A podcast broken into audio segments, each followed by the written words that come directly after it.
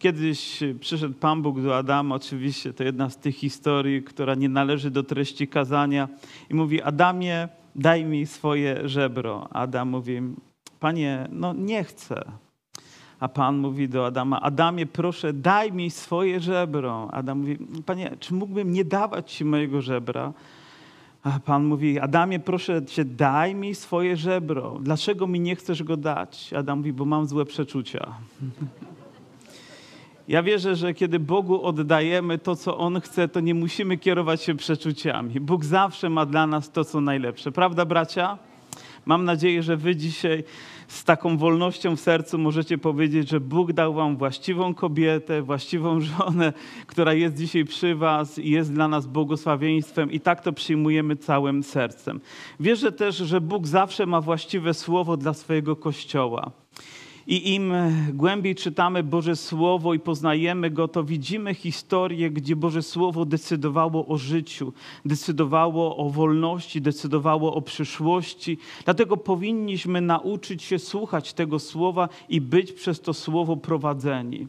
Ty dzisiaj potrzebujesz, ja dzisiaj potrzebuję Bożego Słowa, Bożego prowadzenia. Kościół, pierwszy Kościół potrzebował prowadzenia Ducha Świętego. Gdy Duch Święty mówił, oni otwierali się na Jego Słowo, a później wykonywali to Słowo, czego potwierdzeniem jest historia w 13, w 14 i w 15 rozdziale Księgi Dzieł Apostolskich. Panie Boże, daj nam łaskę, żebyśmy szybko przez te rozdziały mogli przejść, a później zrobimy to, co lubię, modlić się o ludzi, modlić się o to, żeby Pan do dotykał naszego życia.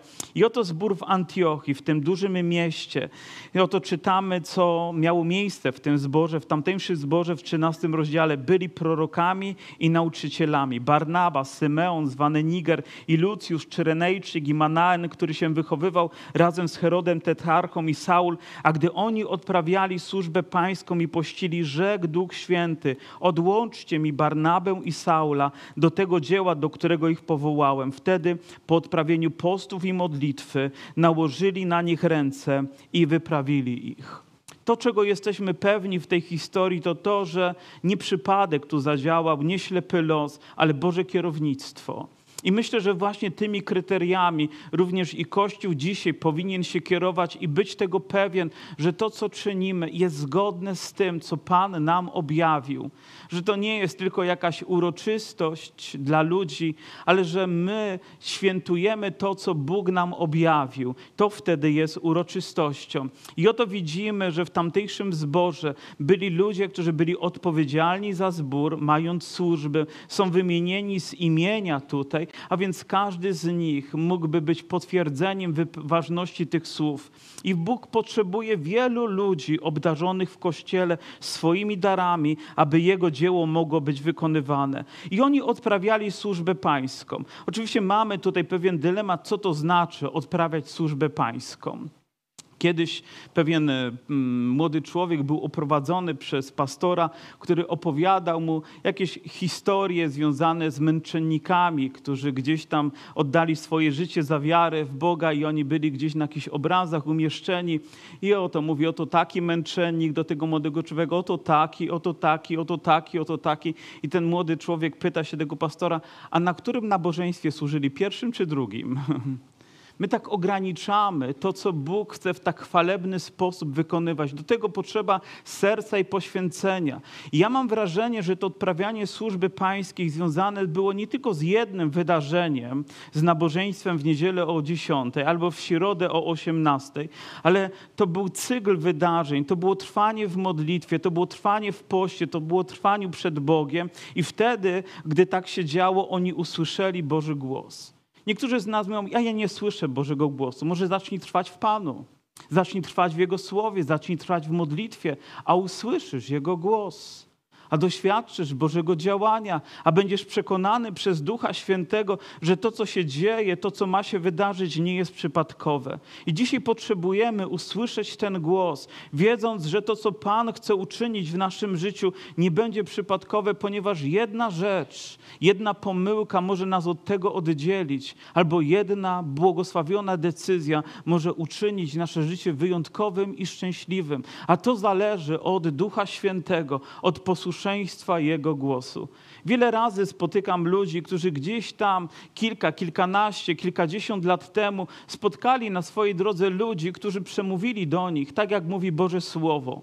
I oni byli tym poruszeni, ale w tym momencie nie byli gotowi albo nie chcieli, a może też, nie wiem, grzech im zasłaniał oczy i serca, więc nie zrzucili go, by pójść za Panem. I przez kilkadziesiąt lat ich życie było jak chodzenie po pustyni, było marnowaniem każdego dnia. Nieraz myślę tak, jak wyglądałoby Twoje życie, gdybyś wtedy poszedł za tym głosem? Powiem, jak wyglądałbyś dziś, jak wyglądałoby Twoje osobiste życie małżeńskie, a więc Bóg powołał ich, aby byli zbawieni, ale Bóg również powołał i wybrał ich, aby byli Jego sługami. I to są dwie rzeczy, które Bóg dokonuje również w nas. On nie tylko powołuje nas, byśmy z Nim byli, ale również po to, byśmy dla Niego byli, byśmy mogli Mu służyć, byśmy mogli wykonywać Jego dzieła. To jest misją naszego życia. I dzieje się to za sprawą Ducha Świętego, który przemawia gdzieś w głębi naszego serca, dając to pragnienie, jak je odkryć. Oto Bóg rzeczywiście dotknie Twojego serca, ale On dotknie też serc innych ludzi po to, żeby oni Ci to powiedzieli, żeby potwierdzili to w Twoim życiu, żeby przyszli i przekonali się, że to nie jest tylko Twój wymysł, chwila Twoich emocji, ale to jest głos z nieba, który Bóg potwierdza ustami innych ludzi. I myślę, że wielu z nas modliło się o coś, ale potrzebowaliśmy potwierdzenia w naszym życiu, prawda? Potrzebowaliśmy, że ktoś przyjdzie i przekona nas. W środę mieliśmy czas uwielbienia. I oto Bóg dał do mojego serca słowo, które dotyczyło modlitwy o dzieci, w troskę o dzieci. Ja więc wyszedłem, bo to było takie bardzo uniwersalne słowo. No kto z nas nie ma troski o dzieci? Myślę sobie, zaraz znajdzie się ktoś. Gdziebym kamieniem nie rzucił, to trafię. Ale później przyszło inne słowo, które mówiło o dacie, konkretnej dacie i wydarzeniu, które miało miejsce tego, tej, w, w ciągu te, no nie wiem, czy to w tym roku, czy w minionych latach, ale po prostu tego dnia 7 lipca coś się wydarzyło. Mówię, to już trudniejsze. Mówię, Boże, nie chcę tego robić. I naprawdę zmagałem się. I wtedy miałem otworzone słowo, miałem otworzony psalm 50. I myślę sobie, jeżeli otworzę oczy, a moje oczy trafią na wiersz siódmy, który będziesz dla mnie potwierdzeniem, to wyjdę. Pieśń, która była śpiewana, była zachętą dla mnie. Otworzyłem oczy. Zgadnijcie, na którym wierszu spoczęły moje oczy. Na wierszu siódmym. Dokładnie na wierszu siódmym. I tam w tym wierszu, w psalmie 50 mówi, a teraz ja będę mówił, mówi Pan. A teraz ja przemówię do ludu. Mówię, Boże, nie zatrzymam moich ust. I po nabożeństwie miałem rozmowy, miałem modlitwę, miałem potwierdzenie, że Bóg poprzez te słowo chciał się dotknąć czyjegoś serca. Wiecie, mówię to po to, żeby uświadomić nam, jak ważne jest uchwycenie tego głosu i okazanie mu posłuszeństwa. Myślę, że dla nich to również nie było łatwe, dlatego że oni tracili Barnabę i Pawła. Wiecie, nikt nie chciałby ze zboru stracić Barnabę. Był to człowiek taki pełen łaski, dobroci, wiary, pełen Ducha Świętego, no ukochany brat z pewnością i dla was byłby umiłowany. I gdyby pewnego dnia przyszło takie słowo, że ma iść gdzie indziej, już widzę, jakbyśmy zareagowali. Mówią, Barnabie, coś ci się przewidziało, powiem, to tylko twój wymysł, masz tutaj zostać i koniec, amen. Jesteśmy co do tego przekonani. Ale czasami Boże Słowo prowadzi nas, pomimo tego, jaką cenę trzeba zapłacić. Że Bóg wie więcej, widzi więcej, rozumie więcej, chce dla nas więcej, chce tego, co właściwe. I wtedy oni po odprawieniu postów i modlitwy nałożyli na nich ręce i wyprawili ich. I znowu widzimy działanie Kościoła, że nie zrobili, a to sobie idźcie. Ale oni zrobili to z modlitwą, z zaangażowaniem serca, zrobili to z postem. Być może to narzędzie gdzieś zostało zapomniane. Modlimy się o Bożą wolę, a Bóg mówi: to zacznij od postu, zacznij od spędzenia czasu ze mną, a ja przyjdę i potwierdzę to w Twoim życiu. I dzisiaj tak bardzo chciałem, żeby modlitwa, która będzie czy o Monikę, czy też o Marka Jarosława, czy też jakakolwiek, nie była tylko wydarzeniem, które gdzieś jest jakimś epizodem w życiu Kościoła, ale żebyśmy zrobili to ze świadomością, że jest to zgodne z Bożą wolą, że Bóg tego chce, by potwierdził to w sercu Twoim i dlatego możemy nałożyć nasze ręce, modlić się, prosząc, aby Pan błogosławił. Może dzisiaj wyzwaniem dla Ciebie jest to, żebyś podjął coś dla Boga. Może gdzieś jakaś myśl jest w Tobie, która od pewnego pewnego, od pewnego czasu tam skrywana jest, że Bóg cię do czegoś powołuje, ale są oczywiście przeszkody. Trzeba poświęcić się temu, trzeba pójść za tym, trzeba być może porozmawiać o tym z kimś albo więcej czasu spędzić na modlitwie. Zrób to. Wiecie, że mam przekonanie, że wiele lat temu już Bóg dał przekonanie do serca kogoś z Was, że ma dla niego swój plan i swoją wolę, ale wciąż nie idziesz za tym głosem. I wiesz, że ten głos może nigdy się nie wypełnić w Twoim życiu, jeżeli Ty nie okażesz mu posłuszeństwa. Możesz to zdusić, tylko poniesiesz tego szkodę. Więc bądź posłuszny. I później czytamy dalej, a oni wysłani przez Ducha Świętego. I za każdym razem, gdy czytamy tutaj fragment Bożego Słowa, dowiadujemy się, że oni wysłani, oni namaszczeni, oni powołani przez Ducha Świętego. Zobaczcie, jak integralną rolę w, duchu, w, rolę w Kościele wypełniał Duch Święty, że to było nieodłączne. Nie było przypadkowe, wysłani przez Ducha, powołani przez Ducha, namaszczeni przez Ducha, bo dlatego, że za chwilę spotkają się z rzeczami, które będą tak trudne, że bez Ducha Świętego sobie nie poradzą. Pan Jezus powiedział pewnego dnia na początku tej księgi: Nie ruszajcie się z Jerozolimy, dopóki nie zostaniecie przeobleczeni mocą z wysokości. Wychodząc z tego miejsca bez Boga, wychodząc z tego miejsca bez Ducha Świętego, bez Jego mocy, bez Jego słowa, które wryje się głęboko w Twoje serce, tam jest porażka, tam jest klęska, tam jest coś, co jest większe od Ciebie. Ale dzisiaj na tym miejscu, jeżeli otworzysz swoje serce na działanie Ducha Świętego, to bez względu na to, co spotka Cię na zewnątrz, Ty będziesz zwycięzcą. O czym mówi kolejny fragment, że oto Paweł zaczął zwiastować Boże Słowo pewnemu e, takiemu człowiekowi, który był dość znamienny prokonsulowi, czyli mającemu władzę i taką polityczną i militarną. I przyszedł na wyspę Pafos, spotkał pewnego, i był tam również pewien czarnoksiężnik, e, fałszywy prorok, Żyda imieniem Bar Jezus, który należał do otoczenia prokonsula Sergiusza Pawła, człowieka rozumnego. Ten, przywoławszy Barnabę i Salwa, pragnął słuchać Słowa Bożego, lecz wystąpił przeciwko nim czarnoksiężnik Elimas, tak bowiem brzmi w tłumaczeniu jego imię, starając się odwrócić prokonsula od wiary. A Saul, zwany też Paweł, Pawłem, napełniony Duchem Świętym, utkwił w nim wzrok i rzekł: O pełny wszelkiego oszukaństwa i wszelkiej przewrotności, synu diabelski, nieprzyjacielu wszelkiej sprawiedliwości, nie zaprzestaniesz ty wykrzywiać prostych dróg pańskich?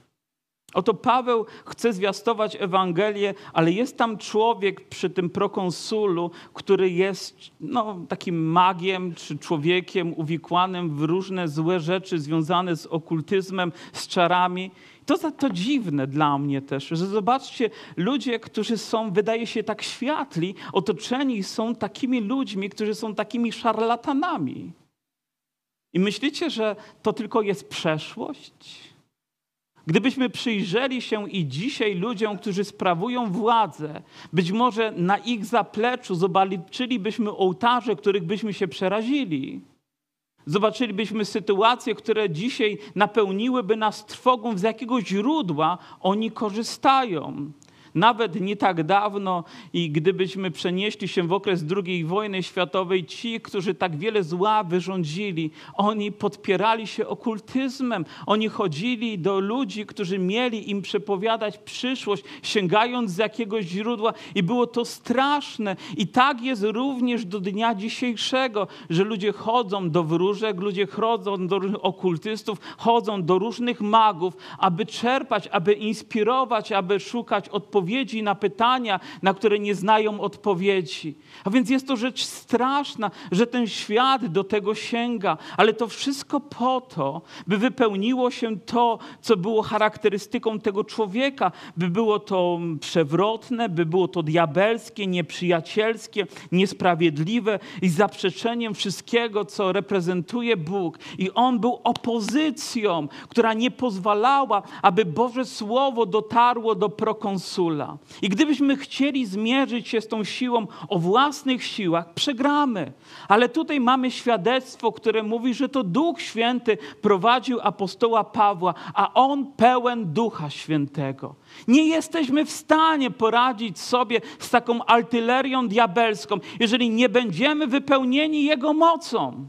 Ale jeżeli będziemy pełni Jego mocy, to nie spuszczajmy wzroku, ale spójrzmy, i przepraszam, powiem to w cudzysłowie, e, diabłu w oczy.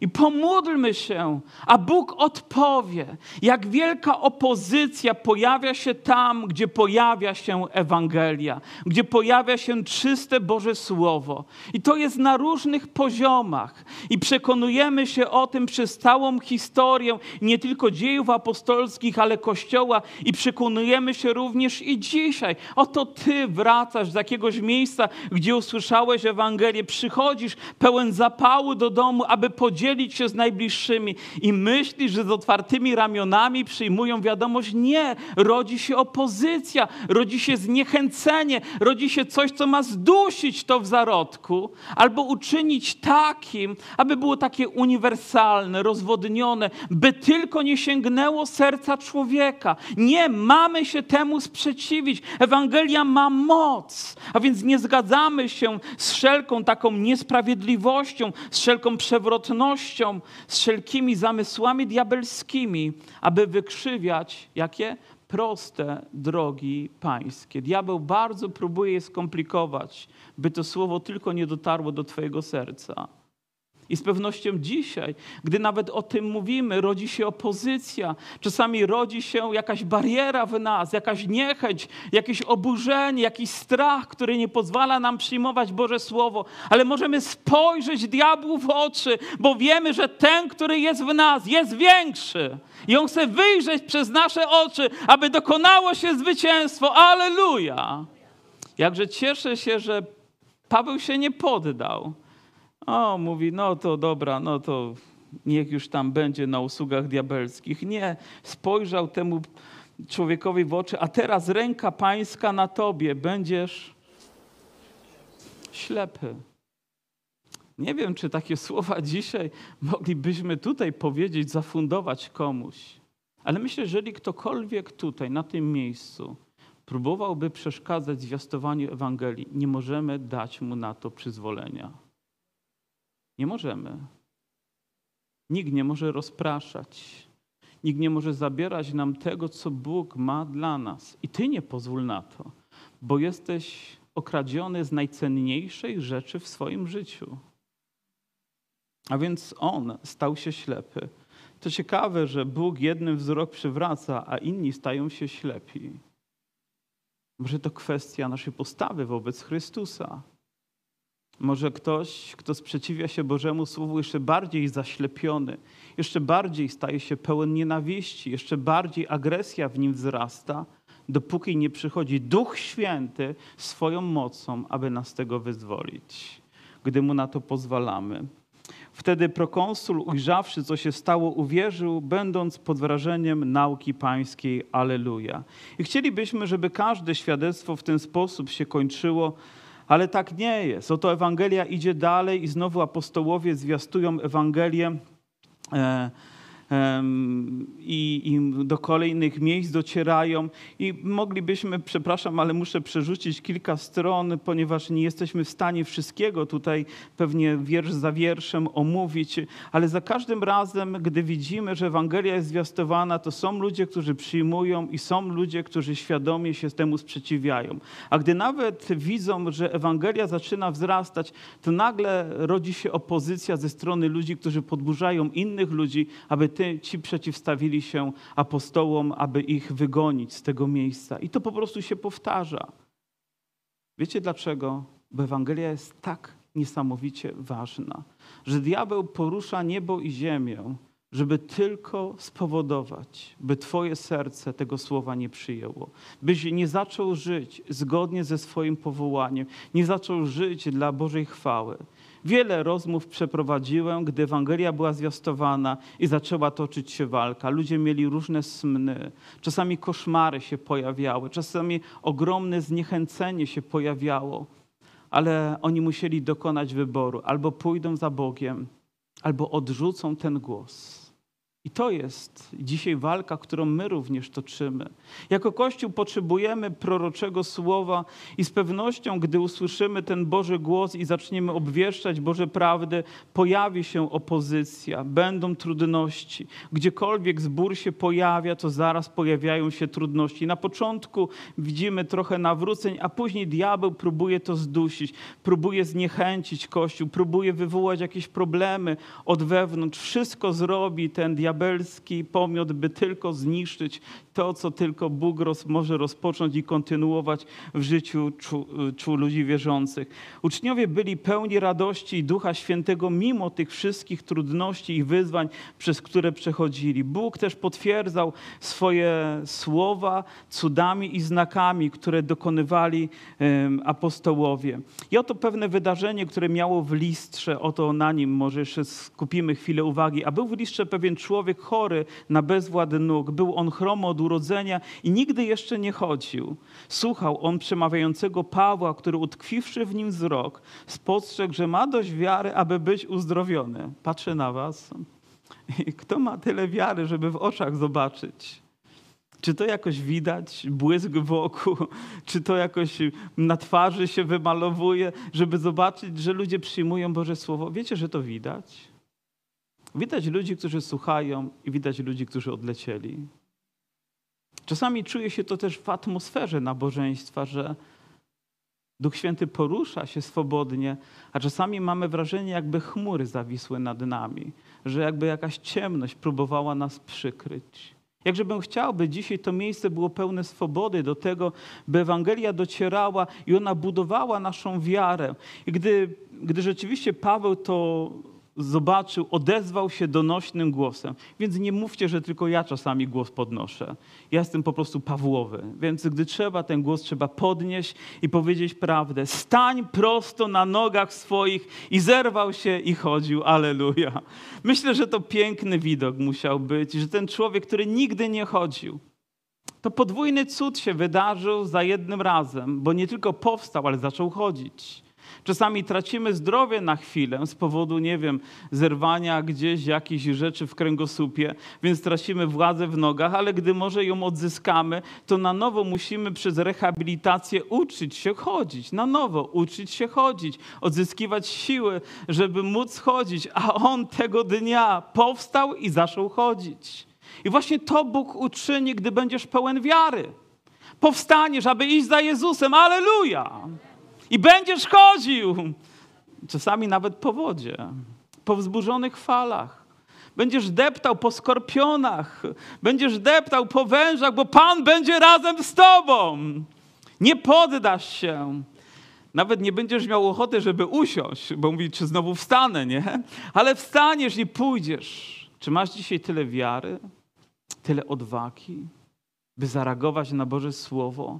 Które gdzieś w Twoim sercu teraz buduje ten mocny fundament, na którym możesz się oprzeć? Czy chcesz dalej tracić czas i życie, marnując je na kolejne dni, które są po prostu nijakie, a tak naprawdę są straszne? Czy chcesz stanąć i zacząć chodzić, kierowany przez Ducha Świętego, pełen Jego łaski, pełen, pełen mocy? I na takie wydarzenie wydawałoby się, że Kościół zareaguje, ludzie, którzy tam są zebrani, zareagują właściwie. Oni zrobili to, tylko zareagowali jakoś mało właściwie, bo wpadli na pomysł, że obwołają ich bogami. I Barnabę, i Pawła uczynią bóstwami. I nawet przyprowadzili odpowiednie ofiary, żeby złożyć na ich cześć, a oni rozdarli swoje szaty, nie, nie możecie tego zrobić. Ponieważ biada człowiekowi, który przyjmuje to, co należy się Bogu. Biada ludziom, którzy stają się bóstwami dla innych. którzy nie rozdzierają swoich szat, mówiąc, nie jesteśmy tego godni, bo tylko Bóg jeden jest godzien, aby odebrać sobie chwałę za to, co czyni w naszym życiu. Może pojawiają się w związku z tym ofiary, które człowiek zaczyna składać człowiekowi, a Bóg staje się daleki i obcym. I myślę, że tak rodzi się kult, tak rodzi się jakaś fałszywa religijność, tak rodzi się fałszywy ołtarz, tak rodzi się coś niewłaściwego, kiedy próbujemy tą cudowną Bożą łaskę zastąpić ludzkimi ofiarami, które pojawiają się gdzieś na arenie, na ołtarzu kościoła. Nie, nie ma na to przystępu. A więc oni rozdarli swoje szaty, więc w związku z tym ci ludzie, którzy byli tego świadkami, momentalnie jakby zmieniają front. Przed chwilą chcieli być bogami, a teraz chcieli ich zabić, podburzeni przez innych. Czy tak działają ludzie? Wiecie, w ciągu jednego dnia, w ciągu jednego telefonu, jednej sytuacji, może się okazać, że przyjaciele się od nas odwracają. Że ludzie, którzy nas oklaskiwali, teraz nas przeklinają. Jakże zmienny jest człowiek, jakże niepewny jest człowiek. Doświadczyliście tego? Ktoś z Was przeżył to osobiście, więc wiecie o co mówią. Teraz wzięli kamienie do rąk, żeby ich zabić. I rzeczywiście mało tego nie uczynili, ale łaska Boża oczywiście była razem z nimi i Pan ich zachowywał, ich strzegł. A oni mimo tych trudności szli i zwiastowali dalej Ewangelię, wkładali na ludzi ręce po zborach, aby tam Ewangelia mogła być kontynuowana przez ludzi namaszczonych. I oto dochodzimy w wielkim skrócie do 15 rozdziału, który również w historii Kościoła jest niezwykle ważny, bo to pojawiają się pewni ludzie. Zwróćcie uwagę na ten pierwszy wiersz 15 rozdziału, pewni ludzie. Nie czytamy wierzący ludzie, powołani przez Boga ludzie, tylko jacyś przypadkowi, którzy przychodzą do Kościoła, aby namieszać od wewnątrz. Wiecie, gdy diabeł nie może od zewnątrz, to zrobi to od wyznacie Ewangelię od środka. Będzie próbował zniszczyć, będzie próbował ograniczyć coś od, od, od strony zaplecza. I oto pojawili się, którzy zaczęli podburzać ludzi, zaczęli też mówić, że jeżeli chcesz być zbawiony, to musisz się obrzezać. Żaden brat by tutaj aleluja nie powiedział. Żaden by nie powiedział, dlatego że nie potrzeba jest to do zbawienia, ale oni uznali, że tak ma być. I w związku z tym powstał taki rozłam, że nawet Paweł i Barnaba nie byli w stanie sobie z tym poradzić. Potrzebowali udać się do apostołów, do Jerozolimy, aby oni rozstrzygnęli tę sprawę. Czasami potrzebujemy kogoś z zewnątrz, by pomógł nam poukładać się w naszym domu. Potrzebujemy mądrości innych ludzi, którzy po pomogą nam zrozumieć lepiej. Może ty potrzebujesz. No ale będziesz zadufany w sobie, to oczywiście ja sobie poradzę. Nie, nie poradzisz sobie. Bo nikt z nas nie jest samowystarczalny. Nikt. Ani ja, ani nikt z nas tutaj. Nikt z nas nie jest papieżem. Już kiedyś powiedziałem, nawet sam papież nie jest papieżem ponieważ jesteśmy tylko ludźmi, którzy potrzebują Bożego objawienia również przez innych ludzi, a więc udali się tam, ponieważ ta sytuacja ich przerosła. W tym momencie potrzebowali mądrości, więc można powiedzieć, że mieliśmy tutaj pierwsze takie spotkanie Soboru Jerozolimskiego, na którym zebrali się różni bracia i zaczęli wypowiadać się w tej sprawie. Pierwszy kto mógł powstać? No Piotr. On zawsze pierwszy powstaje. Mówi, a ja jestem świadkiem, jak pewnego dnia zwiastując Ewangelię poganom, widziałem, jak Duch Święty stąpił na nich. Co może oznaczać, że oni, nie będąc obrzezanymi, otrzymali Ducha Świętego, zostali ochrzczeni, więc Piotr wysnuł prosty wniosek, że do zbawienia niepotrzebne jest obrzezanie. Do napełnienia Duchem Świętym niepotrzebne jest obrzezanie, skoro i Pan potwierdził to w życiu pogan. Amen? Prosta lekcja. Myślę, że każdy może do takiego wniosku dojść. Piotr do niego doszedł i dzieli się tym z innymi, ale on widział, jak Duch Święty stąpił, co oznacza, że Duch Święty wstępuje w bardzo wyraźny, odczuwalny, namacalny sposób.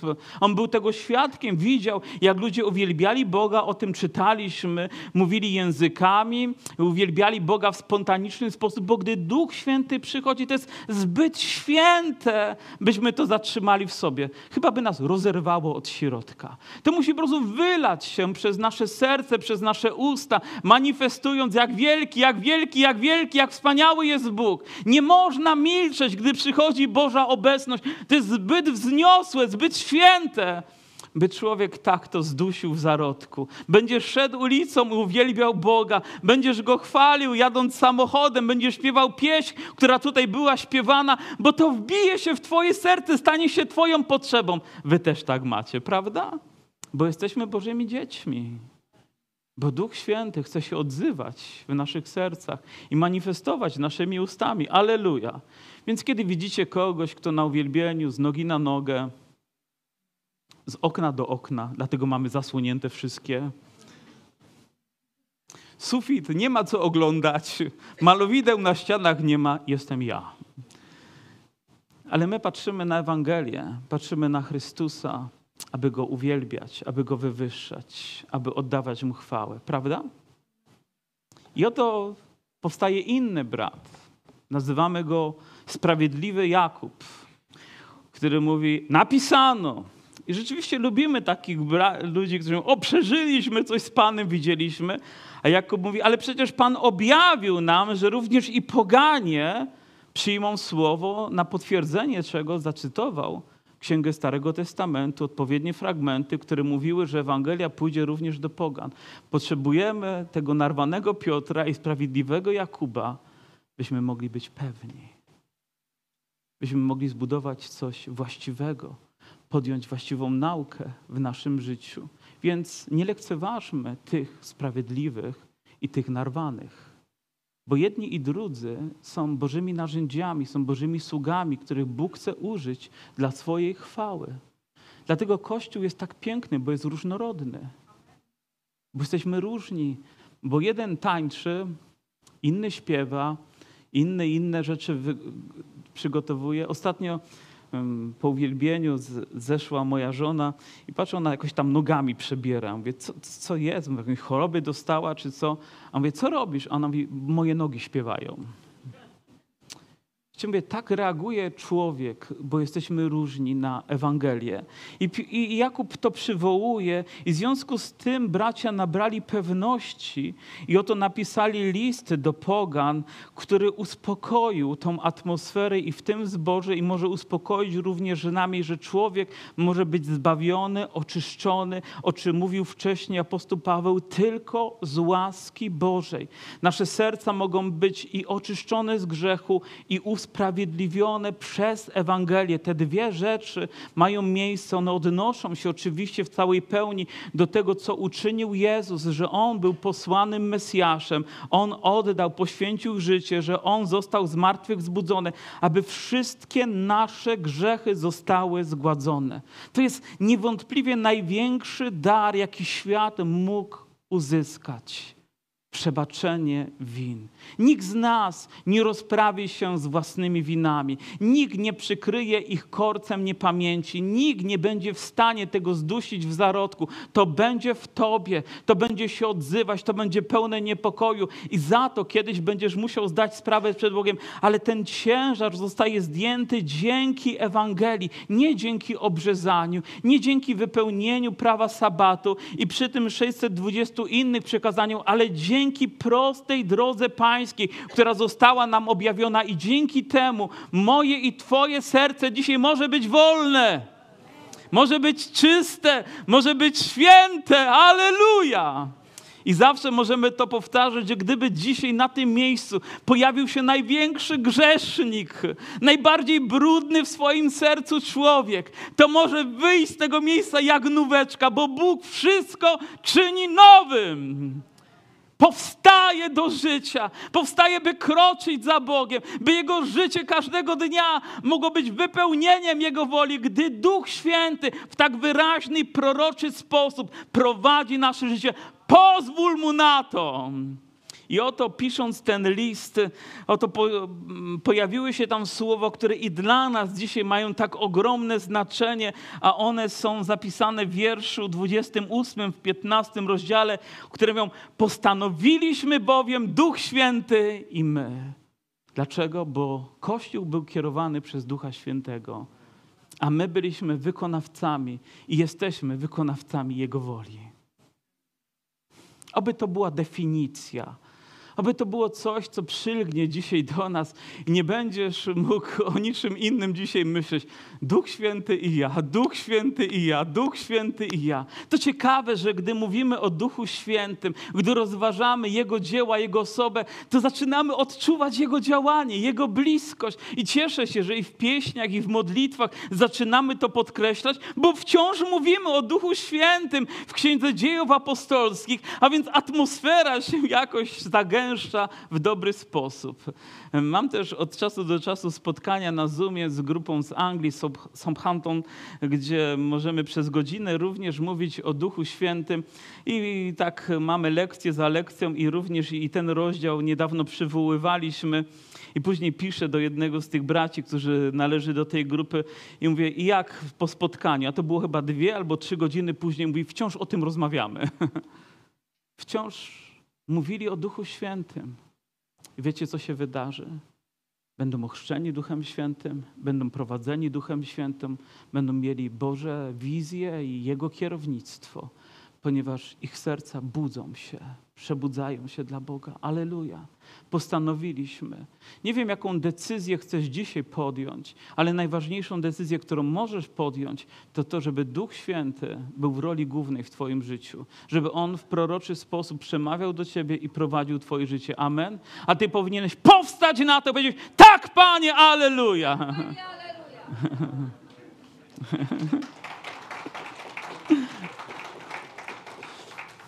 Oto reakcja, której oczekujemy na nabożeństwach. Prawda, że tak? Chwała Bogu. Musimy być bardziej elastyczni dla Ducha Świętego, bo inaczej pękniemy gdzieś. Coś się rozleje. Powiem, musimy być jak bukład, który dopasowuje się do kształtu, który go wypełnia. I oto dzisiaj Bóg mówi: powstań, moja córko, mój syn, powstań. Powstań dla mnie, a ja cię poprowadzę. I to bardzo ich uspokoiło. Oczywiście wcześniej też Pan mówił przez braci, mówi, dobra, ale pamiętajcie, żebyście nic, co jest związane z, z, z, jakąś ofiarą, niewłaściwą ofiarą, nie mieli nic wspólnego, nic nieczystym. Nie uczestniczyli w żadnych ceremoniach, które mają za zadanie składać niewłaściwe ofiary. Mówi, brzydźcie się tym. Mówi, nie miejcie nic wspólnego z niemoralnością a zobaczycie, jak Duch Święty was poprowadzi. Zobaczycie. Pochylmy nasze głowy.